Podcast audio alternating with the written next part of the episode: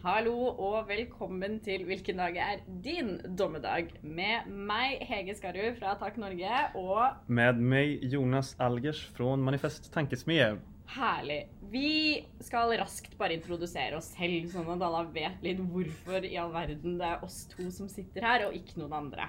Jonas, hvem er du utover at du har nå knyttet identiteten din til Manifest Tankesmie? Ja, jag jobbar på Manifest, jag är samhällsekonom där och utbildad på New School eh, i New York. Eh, mastergrad i ekonomi där.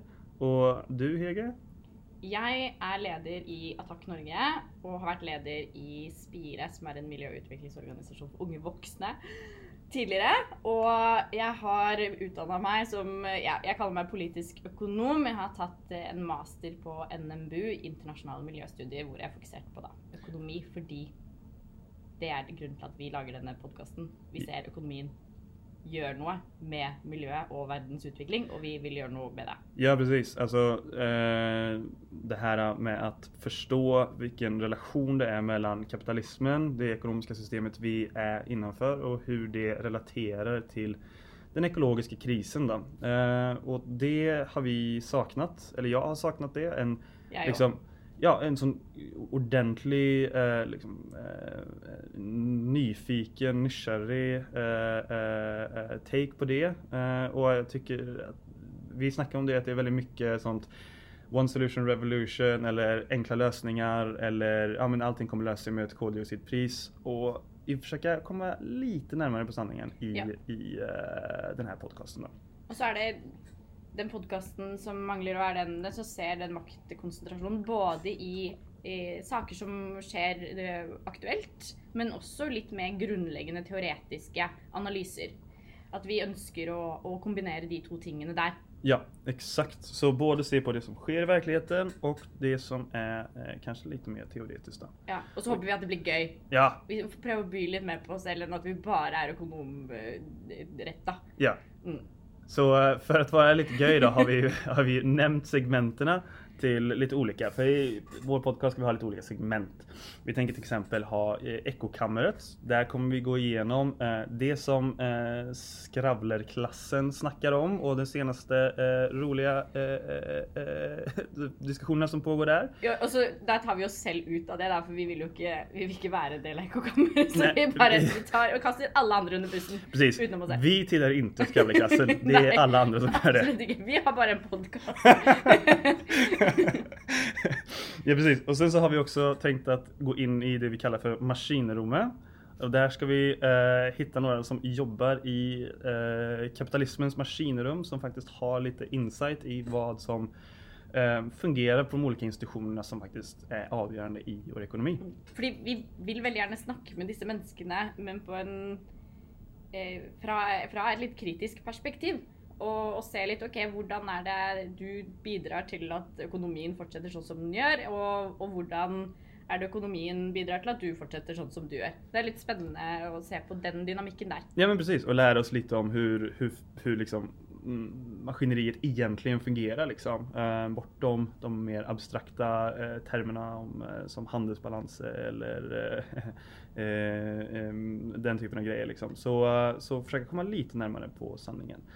Och så det sista segmentet då som är vår huvudsegment, det heter ju veckans cocktail, ukens cocktail. Mm, mm. Mm, varför har vi döpt det till det? Fordi vi har jo begge jobba i bar.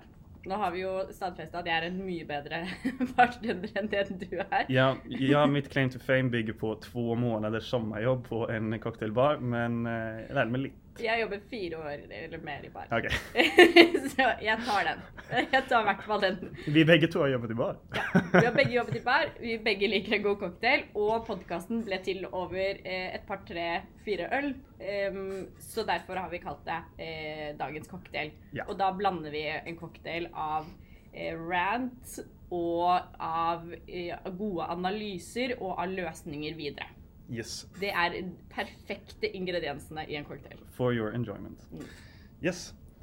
Så da kan vi egentlig bare hoppe inn i dagens cocktail. Jeg synes at det er rett og slett på tide. I dag er det du som serverer cocktail, Jonas. Nå skal jo du gjøre opp for din korte erfaring i bar med å vise til at du kan i hvert fall blande en god politisk cocktail. Exakt, exakt.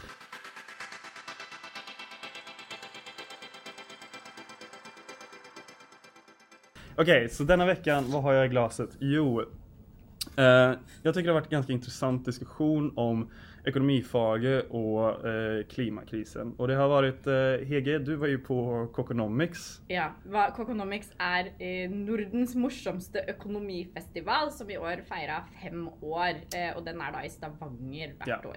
Det är kanske inte så svårt att vara Nordens morsomaste ekonomifestival när det är Nordens enaste ekonomifestival. ja, det er godt mulig. Men- og det er bare Det er så bra. Vi også kaller oss jo en veldig morsom pod Eller vi håper det skal bli en morsom podkast. Og det man legger liksom lista et sted da når man kaller seg den morsomste av noe så, så nerdete og nisjete. Men, men eh, jag, kunde inte, jag skulle också dit, jag kunde tyvärr inte komma för jag, fick, eh, jag var sjuk och låg hemma på soffan. Jonas hadde tidenes Precis. Så här är, ja, tidens manflu. Så här är min revansch då. men, men du var ju där och det var ganska intressanta panelsamtal då. För till exempel, du deltog ju i panelsamtalet som handlade om varför har vänstersidan så dålig smak i ekonomisk teori. Ja. Ja, spännande. Det, Och- det var vondt. Ja. Eh, på mange måter. Jeg ser på meg selv som en person som har ganske god smak. Ja, det, ja, precis. Det brukar man ju tänka om sig själv och jag tycker ja, det var lite spännande. Men det var också en annan panel som arrangerades av Civita. Ehm, och- Civita er da eh, kanskje eh, antitesen til manifesttankesmie. Ja, precis. Ja. Det är höjresidans tankesmedja. Eh, och eh, som handlar om är ekonomifaga höjrevrid. Och efter det så skrev Ola Kvalöj som är eh, eh, professor vid universitetet i Stavanger. Han skrev om det här idén, är ekonomifaga höjrevrid och sådär. Och Eh, Steinar Juhl som också är från Civita, också är ekonom. Han var ju med i NRKs Debatten eh, för några dagar sedan och snackade om klimatpolitik. Och eh, han drev ju den tesen att vi kan inte veta vad Norge borde specialisera sig på, så vi borde vara passiva, låta till, eh, marknaden sköta omställningen och så vidare. Och eh, jag tycker att det är ganska intressant hur, hur liksom eh, Ja, eh, ekonomifaget ställer sig just till klimatomställningen. Eh, och jag skrev om detta på Twitter och då fick jag tre ekonomer efter mig som var sån, ja ah, men vad består din kritik i? Vad består din kritik i? Och det var i och för sig eh, bra att de held my feet to the fire så jag fick eh, tänka igenom det lite. Men, men eh, det, är, det är någonting som händer här liksom. Mm. För, Så, så det vi, vi ønsker å snakke om akkurat i denne cocktailen, er litt økonomifaget og Ja. miljø. Ja, har ekonomifaget klart att förstå klimatkrisen helt enkelt? Uh, man kan också säga det att uh, med Biden-administrationen i USA så har ju också ekonomer fått ett mycket mindre inflytande än tidigare. Uh, och det är ganska intressant och det är några som pekar på att jo men det är för att de har man upplever att de inte haft svar på de problemen som har varit då, tidigare med finanskrisen och nu med klimatkrisen. Vanskligt att säga för seg att økonomer egentlig hade noen innflytelse under Trump. Eller at noen med noe faglig bakgrunn Ja, var involvert absolut, i den absolut. Men, skill, men, skill, men skillnaden mellan Obama och eh, Biden-administrationen är som är ganska stor. Då. Mm. Men helt enkelt, så då tänkte jag om att vi skulle bara snacka om vad, vad, som, vad, vad, vad jag tänker är eh, problemet med ekonomifage och klimatkrisen. Och det är egentligen några olika punkter. Då. Jag tycker ett, man underskattar klimatkrisens kostnad. Um, och här behöver vi gå tillbaka då till uh, en, en ekonom som heter William Nordhaus. William Nordhaus fick uh, Nobelpris i, i ekonomi, eller det heter egentligen då Sveriges Riksbankspris till Alfred Nobels minne eh, 2018. Viktig men kedlig precisering därför att men det är lite göj då för att Nobel, Nobel sa att jag gillar inte ekonomer, de har bara eh, förstört grejer så jag vill inte ha några, ge några pengar till dem. Och då syns, Sverige. jeg syns viktig, men kjedelig presisering burde Ok. være sånn hver gang vi sier det, får alle bare sendt ti kroner i posten. Ja, hur som helst. Han, det, det är ett pris som går till världens främsta ekonomiforskning. Då. Och han fick det för att han har lyckats sätta ihop klimatet och ekonomin. Så vi kan liksom analysera relationen mellan de två. Då. Och det låter ju jättebra. Han, han utvecklade den första eh, Integrated Assessment Model, som det heter. Då. Det vill säga på 70-talet en integrerad eh, bedömningsmodell, I guess. Och, och och det här har då att göra med, ah, okej, okay, om, om, om eh, global uppvärmning pågår, eh, utvecklas åt ett visst håll, hur kommer det påverka vår ekonomi? Och det, det är jättebra. ehm, att vi, vi får de analyser mm, liksom, greppen. Kjempebra. Eh, ja, kämpebra. Och eh, det har också varit väldigt inflytelserikt då. Ehm, och eh, så till exempel Nordhaus modell och den metoden används av IPCC, FNs klimatpanel då, för att bedöma de ekonomiska effekterna. Men så kan man liksom se då på, ja vad är, vad är det de räknar med då är relationen mellan uppvärmningen och, eh, och ekonomin. Och IPCCs rapport från 2014 så skrev man då att ja, men en två graders uppvärmning den kommer ge en mindre nivå av BNP på mellan 0,2 och 2 procent. Mm. Det vill säga en ganska liten del. 0,22 procent. Ja, så det är, det är inte, det är inte BNP-växten, den årliga växten, utan det är den nivån, alltså the level liksom. I, i uh, 21.00. Och um, Eh, och det är ju ganska liten eh, effekt kan man säga. Om man det höres ju lite villkorligt ut att det bara är ja, 2 grader. Vi bara säger 0,2 till 2 grader då. Eller 2 procent. Ja, alltså det är ju baserat på den här modellen då som han använder. Eh, men man har också eh, i en annan eh, undersökning som Nordhaus gjorde så beräknade han att en 3 graders temperaturökning skulle leda till en eh, ett fall i BNP på 3,6 procent. Okay. Så det är väldigt lågt och för att liksom sätta det här i... Och vad tänker ekonomerna? Vad tänker de köpa? Ja, alltså man tänker att det mest kostnadseffektiva det är att ha väldigt små eh, begränsningar av, så att lägga väldigt lite pengar då på att begränsa uppvärmningen. För att kostnaderna kommer ändå vara så relativt sett små då. Alltså 3,6 procent från en eh, Eh, av ekonomin som är mycket större. Alltså vi har ju en eh, växt fram till 2050 sannolikt, global växt. Och, ehm, och eh, för att liksom sätta det här i perspektiv då, så tre graders uppvärmning det är ju många naturvetenskapliga forskare som menar att då har vi väldigt, väldigt allvarliga problem. Risker för tipping points, sånt här med att Amazonaskogen eh, blir, eh, blir en stepp och vi får liksom eh, effekter som... Och... Ja, och vi har, vi har eh, ingen, ingen sommaris i Arktis längre och så vidare. Eh, så hur kommer det sig att de här skade, skadorna är så, så små då? Uh, och då kan man se på vad är det för, för metod William Nordhaus har använt. Uh, och uh, då läste jag en, en vetenskaplig artikel av ekonomen Steve Keen som är från Kingston University där du pluggade tidigare. Det vet jag vem är. Och han, han, han står lite på vilka metoder som, som William Nordhaus har använt av den här Nobelprisvinnande ekonomen. Och en del i det då är att eh, eh, William Nordhaus eh, ser på vilka sektorer då som kommer drabbas av klimatförändringarna. Och kommer fram till att 87% av amerikansk eh, eh, industri kommer inte att drabbas av klimatförändringarna.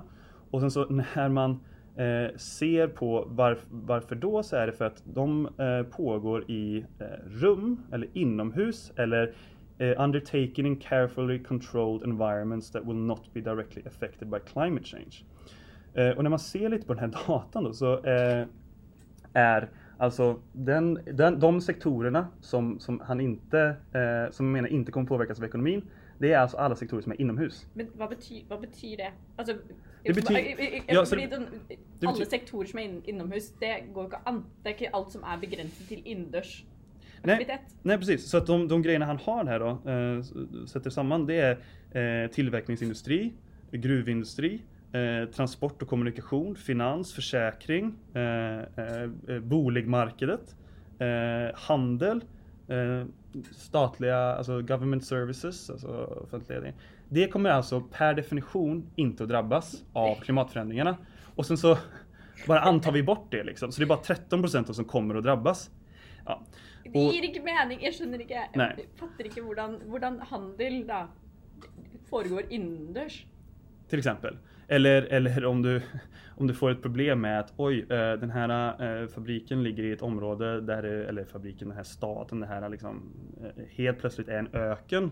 Det tror jag kommer bli svårt att då upprätthålla den ekonomiska aktiviteten. Eller om vi har liksom Eh, översvämningar och, och sånt. Så det är ett problem då. Um, och en annan, eh, en annat exempel på där William Nordhaus uh, forskning kan, kan ifrågasättas då, det var att han gjorde också en surveyundersökning. Och en surveyundersökning, då frågar man liksom experter, vad tror ni, vad bedömer ni? Och uh, vad han gjorde var att han tog några ekonomer och han tog några naturvetare och så frågade han dem, vad bedömer ni är vikten av, um, av uh, vet biologisk mångfald för eh, för människor, för, för ekonomin. Mm. Och eh, svaret han fick var att ah, det har en väldigt liten effekt. Men när man ser på varför så, okej, okay, vilka var det han frågade? Jo, det var framförallt ekonomer. De var i klar majoritet. Och de, nästan alla ekonomerna i den här surveyundersökningen då, har, forskar inte alls på de här sakerna. Liksom. Ett exempel då är ekonomen Larry Summers som är ganska, ganska känd, erkänd amerikansk ekonom med stort inflytande. Han var tidigare, jobbade tidigare under Obama. Då. Och han säger då For my answer, the existence value of species is irrelevant. I don't care about ants except for drugs. wow! Ja. Altså, dette her er jo det mest sånn økonomsvaret man kan få. Det her er jo helt typisk. Det er det som er problemet med vi ser i økonomi nå. At man, man kutter ting opp i liksom sektorer og ser Ja. på de alene og putter en modell på det og forstår ikke helheten. Ja, men du, du, du, precis, du inte är intresserad i liksom, eh, vad de faktiska forskarna, naturvetenskapliga forskarna kan, kan mena om detta. Då, liksom. eh, och det ska ju sägas då att Nordhaus citerar ju detta i sin rapport, så det är i det. Men han, han konkluderar ju med att sammanställa alla de här ehm, experternas meningar till ett, eh, en siffra och få fram att ah, nej, effekten av eh, reducerad biologisk mångfald, den är inte så stor. Och då är det sånt, ja men om det är svaret från Larry Summers, då kanske det inte borde kvalificera honom som expert på området tycker jag. ja. Alltså det är en sån grej som, som Nordhaus gjort. Och sen en annan, eh, eh, jag läste en väldigt intressant bloggpost om det här av, av eh, Bloombergs kommentator eh, Noah Smith. Eh, och hans, hans kritik är väldigt bra, så jag har inte gjort jag klarar inte av att utveckla någon egen kritik själv, så jag bara kopierar hans. Eh, och han menar ju då att det forskas också li, för lite på klimatomställningen. Alltså eh, ekonomifaget har ett för begränsat intresse. Och, så han refererar då till några andra mer ekonomer. Alltså, vi ska också säga det att det är inte som att alla ekonomer är, är liksom, eh, på något sätt har svikit här. Det Mm. finns såklart vissa ekonomer som gör ett utmärkt jobb, liksom, så man ska inte dra alla över en kam. Men de är i minoritet. Då. Och eh, som ett exempel på det så citerar han eh, Andrew Oswald och Nicholas Stern som är några ekonomer som har sammanställt då hur mycket av eh, de ledande toppvetenskapliga tidskrifterna för ekonomi eh, har skrivit om klimat. Och Og da, da er det bare viktig å påpeke også at for veldig mange økonomer så er det å bli publisert i en tidsskrift virker som type et mål. Det Ja. er liksom, det er det, hvis ikke du blir publisert i et tidsskrift, så er ikke du en økonom. Nej, alltså det är det som eh, man tar intäkt då för att ja, nu, nu är jag ekonom, nu blir jag publicerad i en anerkänd tidskrift. That's it liksom. Ja, och hur många då är det som har publicerat om klimat? Jo, det var totalt eh, under en, eh, en period fram till eh, eh, 2019 så kom de fram till att det var ungefär 0,074 procent av alla artiklar handlade om, om klimat. Det vill säga alltså mindre än forskningen som är på, eh, på så kallade marriage markets, alltså marknaden om med partners som gifter sig. Det var fram til 2019, var det ikke det? Fram till Allt. 2019, Alt for alltid. Japp, det är allt för alltid fram till 2019 då. Så, eh, ja, var så lite. Och det, det är ju ett problem liksom att man har ett så begränsat intresse. Och jag tror lite att det finns liksom en tendens i, så här, i ekonomivetenskapen att men vi har redan löst det. Vi vet redan vad som är eh, mm, svaret på problemet. Och det är att sätta ett CO2-pris. Ikke sant? Det, det, er, det svaret. Precis. Man må prise det. Man må internalisere kostnader. Precis, exakt. Alltså, det, är liksom, eh, det är en så kallad negativ externalitet Mm. som man kallar det. Det vill säga att eh, kostnaden för ett, uts- ett ton utsläppt koldioxid, det betalas inte för sig i produkten. Liksom. Så därför måste vi sätta ett pris och det löser alltihopa. Men eh, som också Noah Smith då påpekar, så det kan du säga liksom. Och det har folk sagt i här 40 år att vi borde sätta ett pris på koldioxid. Men det sker ju inte. I tillräck- alltså det sker inte på global nivå. Det blir karbonläckage och det sker inte, priset är inte tillräckligt högt. Eh, och och ehm, då är det ju så fascinerande, varför insisterar man på att göra det här? Och då har man ignorerat de så kallade politiska ekonomidimensionerna av ett CO2-pris som handlar om att folk vill inte ha det. Varför ska vi ha, betala mer för våran CO2 medan Kina inte gör det? Det är ju liksom återkommande grejen. Så att det här med CO2-pris har ju blivit en, eh, en, eh, en, en sån go-to för, för eh, stora utsläppande företag. Nu Exxon vi stöttar CO2-pris och förmodligen är det för att de vet att det aldrig kommer vara tillräckligt högt eller ske på den, på den nivån som, som det behöver göra. Då. Och det är det man driver med i en utstrakt grad nu. Men nu driver man ju också snackar om karbontoll. En grensetoll hvor man ska eh, prisa eh, varor som har Men, men där är det ju selskapene selv som også er inne og er med og setter. Og de, vet, de støtter det, fordi de ja. vet at det kommer ikke til å bli høyt nok. Ja. Og det er politikken bak. Så man kan ikke liksom, se på økonomi alene. Nei. Man må forstå de der maktkoncentrationerna, den dynamiken där då, i världen. Ja exakt, alltså, det är ett problem till exempel för, eh, eller det, det är många, eh, nu, nu ska man ju till exempel sätta ett sånt eh, eh, toll, karbontoll liksom, mellan EU och USA och resten av världen. Och det är ju alltså på många sätt bra ur klimatsynpunkt. Liksom. Ah, fine, då, då sätter du pris på koldioxid och ökar omställning. Men det betyder ju också att ja, det stöttar ju liksom vår industri och andra länder. Och då tänker jag faktiskt inte främst på Kina utan jag tänker kanske på typ eh, Latinamerika eller Afrika. Eh, Nigeria, en stor exportör av, eh, av petroleum till exempel. Helt plötsligt så slås deras enda lilla skröpliga exportindustri sönder. Det får massa problem då helt enkelt. Dessutom så CO2-pris är jättebra för att ändra eh, beteende på marginen. Det vill säga, ja, om, jag har, om jag kan köpa en elbil eller om jag kan köpa en fossilbil, ja, då köper jag en elbil. Men det, det, det stöttar inte upp kring de stora innovationer och ändringarna som, som systemändringarna som behövs. För en ny innovation är alltid dyr i början. Eh, du har till exempel solceller, de var svindyra när de först eh, uppfanns. Och hade du bara satt ett CO2-pris, ja då måste det ju vara så otroligt högt för att eh, solcellpanel ska löna sig. Då är det mer effektivt med en mer riktad subsidie. Eh, och sen dessutom så CO2-pris diskriminerar ju inte mellan nödvändig och lyxkonsumtion. Så det betyder ju att eh, fattiga människor kanske spenderar en större andel av sin, sina utgifter på ja, utsläppande saker. Mm. Om, du, om du har en lägre intäkt så kanske du kör en, en eh, bil till jobbet och då måste du betala ett mycket högre eh, pris för det för att eh, du ska betala för koldioxiden. Men du har inga alternativ. Du har inte råd att ändra din konsumtion. Medan däremot rika människor då kan ju konsumera kanske något annat. De kan istället köpa en, en elbil då, eller en dyr elbil och så, och så Uh, ja, behöver, undgår de då det här CO2-priset. Liksom. Och där är det ju många som önskar då en karbonavgift till fördelning. Precis, det hade ju varit extremt effektivt, eh, eller mycket mer effektivt och, eh, eh, och, och, och ha en bättre fördelningspolitisk effekt. Kan inte du förklara vad en karbonavgift fördelning är? Alltså det är ju, det, det ligger i namnet, men det betyder ju nettopp det att den prisen som man betalar för, för dessa utsläppen, det ska också komma de med lavest intäkt till. Ikke sant? Att det ska vara en fördelningspolitik i detta, så att inte det blir en usocial politik bak nettopp detta. Ja precis. Danmark har ju redan det. Så de betalar ju ut, jag tror det är varje månad, det som kallas för gröna checkar. Till alla lavintäktshushåll. De får eh, ja, tillbaka pengar från, som man har samlat in från CO2-avgiften. Eh, och, och, och sist då, ett CO2-pris det diskriminerar ju inte heller mellan faktiskt klimatpositiva och klimatnegativa satsningar. Hear me out. En, eh, när Jeff Bezos och Elon Musk och de här ska åka upp till rymden för, att, eh, för att spela fiol och för att äh, hålla på med sin prestigeprojekt.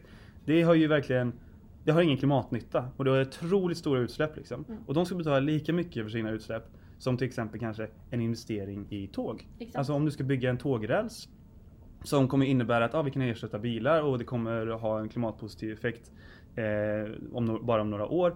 De, det, det, borde ju vara så billigt som möjligt att göra den typen av klimatpositiva investeringar och så dyrt som möjligt att göra de här andra investeringarna. Och att CO2-pris diskriminerar inte mellan dem. Och, och, och det är det de har råd till att betala den CO2-prisen oavsett. Ja. De har så många miljarder dollar på eh, bok att det går helt fint för dem, för de har så lust att göra det. Och då måste du sätta den prisen otroligt högt. Ja. Och då, då må det vara en diskriminering i prisen också. Ja. Och i tillägg så tar en CO2-pris eh, kun innover seg klimaomstilling och inte nettopp liksom det vi snakket om tidigare, biologiskt mångfald och naturmangfold. Da. Precis, och, och det blir en ganska avancerad eh, kalkylation då, liksom på, för hur man ska prisa in det. det men det kanske finns forskning på. Det, ska inte, det vet jag inte. Men, eh, men jag det, kanske det finns forskning, men kanske också bara är en väldigt dålig idé att prisa in naturmångfald. Precis, det kanske finns bättre sätt då, som är mer effektiva. Då. Och grejen är ju så här, när du inte tar hänsyn till de här politiska ekonomiska innovationseffekterna och så vidare. Och så vidare ja då är det ju faktiskt per definition ett dåligt förslag. Då är det dålig ekonomi när du är såhär, jo men i en ideell världen så borde det vara så här, jo men världen är inte ideell liksom. Så du, du har ingen förklaringskraft eh, för vad vi borde göra. Liksom. Och det har ju att göra med det här med att ignore tail risks. Eh, för klimat, eh, när man har de här skadefunktionerna då för hur farlig klimatomställningen kommer vara, vilka skador det kommer vara. Då tar man inte hänsyn till de här med tipping points och, och de här uh, ganska stora riskerna som man inte vet. Alltså okej, okay, det kanske blir jättestora migrationsströmmar. Och det är eh, kanske, alltså nu är det inte migrantens fel om det blir konflikter, men det, som vi såg efter 2015 så har det varit otroligt mycket social konflikt liksom, om migration och så vidare. Och det här kan ju få snöbollseffekter då i, i Alltså inte bara i skalan på BNP-tillväxt utan vad vi har för samhälle. Liksom. Mm. Eh, och det har man inte tagit hänsyn till. Och det sista då jag tänker är en viktig, nästan den viktigaste poängen i, eh, i, i eller delen av min kritik då om jag säger själv. det, är, det är att man överskattar omställningens kostnad. Och eh, om vi går tillbaka då till Nordhaus, liksom, han, hans eh, eh, modell, alltså den här Integrated Assessment Models, är liksom ett samlingsnamn för olika eh, modeller. Och hans modell specifikt heter då DICE, Dynamic Integrated eh, Climate Economy Model. Japp, yep, det är verkligen en sån här word salad liksom. Men, eh, och då menar de att ja men eh, om vi hade lagt, om vi hade investerat i klimatteknologi och förnybar energi, det är väldigt dyrt, det kommer vara dyrt och det har en, en given eh, eh, kostnadsfunktion då, som det heter. Det har en given kostnadsutveckling och vi kan inte ändra den. Och det är ju fel. Alltså det är ju direkt fel. Och då eh, som underlag för min kritik, eh, eller som källa för kritiken, så, så tänker jag på um, några forskare som heter Michael Grubb och Claudia Wieners. De skrev en, en artikel som heter Modeling Myths. Eh, där de pekar på att, att eh, ekonomiska system kan faktiskt ändras. Vi kan ändra eh, kostnaderna för teknologi och så vidare. Så om ni till exempel ser på solceller, man har investerat även när det inte var lönsamt. Man har byggt ut. Samma sak med havvind eller vindkraft generellt. Danmark har investerat i det sedan 70-talet. Eh, då var det inte lönsamt alls. Eh, men det har ju drivit ner kostnaderna så nu helt plötsligt är det ju billigt. Teknologierna är billiga. Och på de flesta ställen på jorden är solceller billigare än att driva fossil energi. Liksom. Det är en helt otrolig eh, ändring som har skett med liksom, riktade satsningar. Och det betyder ju att ja, omställningen blir plötsligt ganska billig. I jämförelse med det vi trodde då. Uh, och, och uh, jag tror ju att det här med omställningen, vi har liksom målat upp det som åh vad dyrt det kommer vara att ställa om våra system. Och såklart kommer det ju vara det till en början. Men när du sen har byggt in de nya teknologierna, då faller ju kostnaderna snabbt. Och bara för att liksom vara lite mer konkret då, så, så um, kan vi snacka om, om, om, eh, om stålproduktion. Eh, stål har en jättestor del av eh, världens utsläpp, det är ungefär 7% av världens utsläpp. Sverige håller man på nu med en ny teknologi Investerar 400 miljarder i att använda hydrogen eh, för att producera stål istället för kol. Då. För nu är det så när du tar ut järnmalm ur marken, då är det både järn och oxygen och du måste separera de två för att producera stål. Men um, Ehm, eh, för att kunna göra det så tillsätter man nu kol och då blir det mm, mm, CO2 eh, som förorenande. Eh, och istället vill man tillsätta hydrogen och då får du H2O, då producerar du vatten. Då. Man tar bort jättestora utsläpp. Och ungefär 70% av all stålproduktion, alltså de här liksom ugnarna man använder för att producera stål, 70% av dem ska nå slutet på sin ledtid, det vill säga måste bytas ut innan 2030. Och då är det ju en väldigt stor möjlighet för det, om den här teknologin fungerar, vilket den gör, de har gjort visat i Sverige, då kan vi bara köra ut det på alla sådana här stål eh, eh producenter eh, eh, av stål. Då har vi gjort det innan eh, 2030, då är 70% av stålproduktionen som är avkarboniserad. Pang! Helt plötsligt blir nytt stål då. Det blir kanske lite dyrare, men den generella kostnaden för omställning den har ju redan tagits liksom upfront och den är, ligger inte varje år i att producera eh, lågutsläppsstål mm, istället för vanligt stål.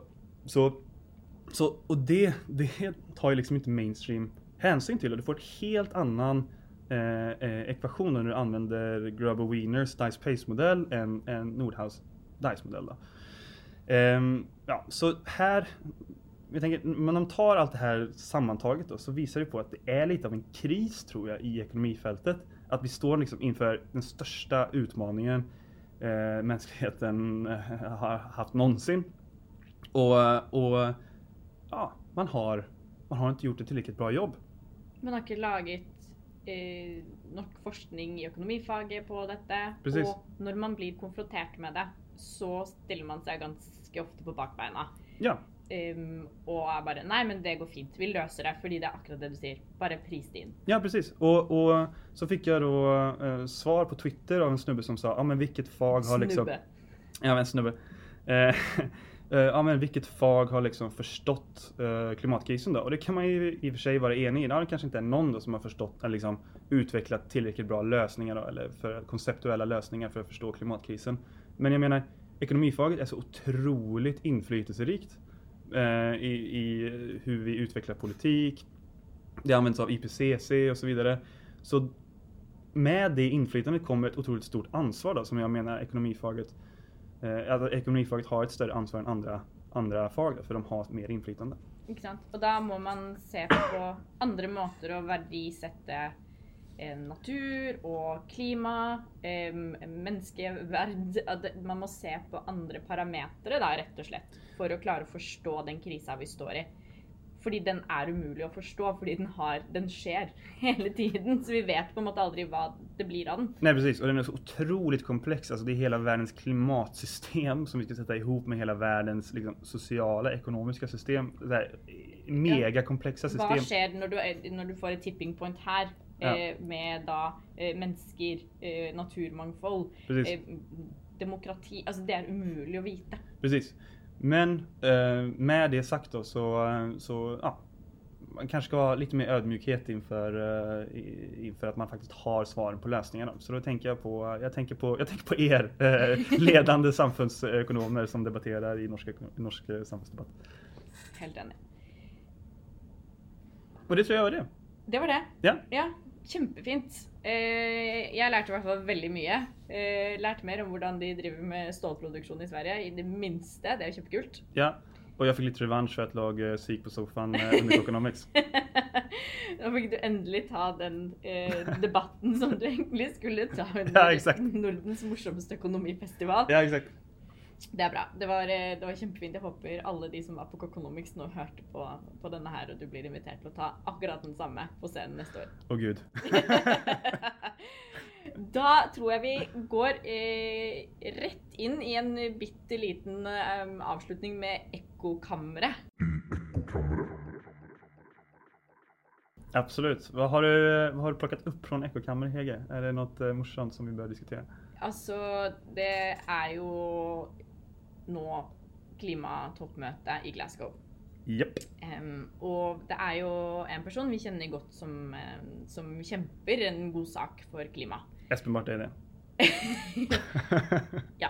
Eh, nå var det ikke Espen jeg tenkte på. Jeg tenkte jo egentlig mer på Carl I. Hagen. ja, Ja, ikke sant? ja, exakt. Ja. Nei, det er Greta Thunberg. Greta har jo vært rundt i flere år nå og snakket på klimatoppmøter og i World Economic Forum og i EU-parlamentet og det ene og det andre. Så hun har blitt invitert inn på scenene eh, lenge. Eh, nå har hun sagt at nå er det nok bla, bla, bla, og står på utsiden sammen med eh, hundrevis av eh, aktivister. Og det er det visst ikke alle som er så fornøyd, fornøyd med. Nej, det har varit lite sur stämning tycker jag i Ekokammaren de sista dagarna. Gubbene er litt kjipe nå om dagen. Vil Ja. jeg, jeg vil si at det er det mest liksom, gubbete Mm. eh, diskusjonen her. Så det er jo han kommentatoren i Aftenposten som heter Kjetil Alstadheim. Nettopp. Han har nå vært ute og eh, kritisert eh, Greta Thunberg for å drive med eh, politikerforakt, og egentlig de som eh, er med henne, da. Ja, exakt. Eh, han Och- var... Mm, kör. Ja. Sorry. Bop, bop. Eh, og det har jo eh, noen plukket opp på Twitter. Jeg syns at Eivind Reidar var veldig morsom på Twitter. Da han var sånn OK, ja, det som disse her kommentatorene egentlig vil Jag är nog väldigt glad för det här. eh. Eivind Trærdal, her Ja. kommer det ros fra meg til deg. Ta det med deg inn i hjertet ditt. Det Eivind Trærdal sier, er- sier jo, er jo noe sånt som OK, så eh, disse her blir ikke fornøyd før Greta Thunberg kommer tilbake neste år og har en TED-talk sammen med Equinor om green solutions. Og det er liksom spot on. Ja, lösningsorienterad eh, kritik. Ja, Ja, men det, det är viktigt. Nej, men det är så, det är så fascinerande, tänker jag då, liksom. För att, alltså, fair enough om du tycker att Greta Thunberg håller på med politikerförakt eller hon har för radikal eh, retorik då. Men jag är lite sån, alltså, hon har ju inte ändrat sig. Hon har hållit på så här hela tiden. Och jag bara fann det här äh, talet hon hade när hon var i 2019 på, äh, i FN-byggnaden. Eh, och när ni vet hon säger liksom How dare you och, och så vidare liksom. Eh, och hon säger det här, här eh, You've stolen my dreams and my childhood with your empty words. Uh, people are suffering, people are dying. Uh, we're in the beginning in a mass extinction and all you can talk about is money and fairy tales of eternal economic growth. Ja. Och så fortsätter hon lite senare, det är ganska, eh, det är ganska kul liksom. Uh, you say you hear us and that you understand the urgency, but no matter how sad and angry I am, I do not want to believe that. Because if you really understood the situation and kept, still kept on failing to act, then you would be evil. Mm. Ikke sant? Og, Og da, da- sitter de og er då sånn är det Ja, ja, mm, good point, good point. ja, precis. Ja, verkligen. Ja, du är så söt och det är liksom jättebra. Och Jag tror att det är det som är kärnan då, liksom. När hon tidigare var inne i toppmötena och stod och var, eller var 16 år, lite yngre, lite ofarlig. Då var det bara sån, åh vad cute hon är, hon är lite arg liksom. Ja, det är viktigt att vi huskar på ungdomens ilska. Men sen så nu när hon är 18 år och liksom 100 000 skitarga eh, aktivister står utanför och bara ja. Eh, if you, if you, you hear us in the, eh, if you, va? Alltså if you really understood the situation and still kept on failing to act then you would be evil. Det är vi eniga i liksom. Ja, ja. Och då, eh, ja, jag vet inte, jag tror inte riktigt att det är hennes retorik som ändras utan jag tror bara hennes genomslag. Mm. Ja. Og så er det, det er jo uh, Who would blame her? Altså, i, På klimatoppmøtet nå så er det jo urfolksgrupper som ikke får komme, slippe til. Eh, mens stort næringsliv får lov til å komme og snakke. Jeff Bezos var där. Ja, han, flög, han flög dit från Turkiet. Han hade firat eh, Bill Gates födelsedag på Bill Gates yacht. Unnskyld meg, kan vi bare snakke litt om Jeff Bezos? jeg må bare Altså, Jeff Bezos drar til klimatoppmøtet i Glasgow og står der og snakker om at den turen han hadde til verdensrommet, som slapp ut enorme eh, eh, mengder med CO2, bare Det ga meg perspektiv på å forstå hvor skjør og verdifull verden er. Altså, de fleste av oss kan liksom ta seg en tur ut i marka eller lese en rapport for å forstå hvilken situasjon vi er i, Ja. og verdien av verden. Ja. Men han må bare putre ut i verdensrommet på en ettermiddagstur, og så komme Ja. med den på talerstolen. Hvor arrogant er du da? Ja, precis. Jag tänker det här eh, listen to, listen to the scientists har ersatts av eh, take a ride to space. Nå eh, eh, sporer vi av, men eh, Ja. kritikken ligger også der, på Jeff Bezos. Ja. det er der kritikken skal ligge. Den skal ikke ligge på Greta Thunberg og aktivistene som står i gata og sier dere hører ikke på oss, dere gir oss ikke det rommet som vi trenger. Da går vi utenfor og viser hvor mange vi er, og hvor mektige vi er. Og at nok er nok. ja, helt enig. Ska vi leave it at that? Jeg tror det blir Ja. denne. Eh, Tack för den här veckan. Tusen hjertelig takk for denne uken.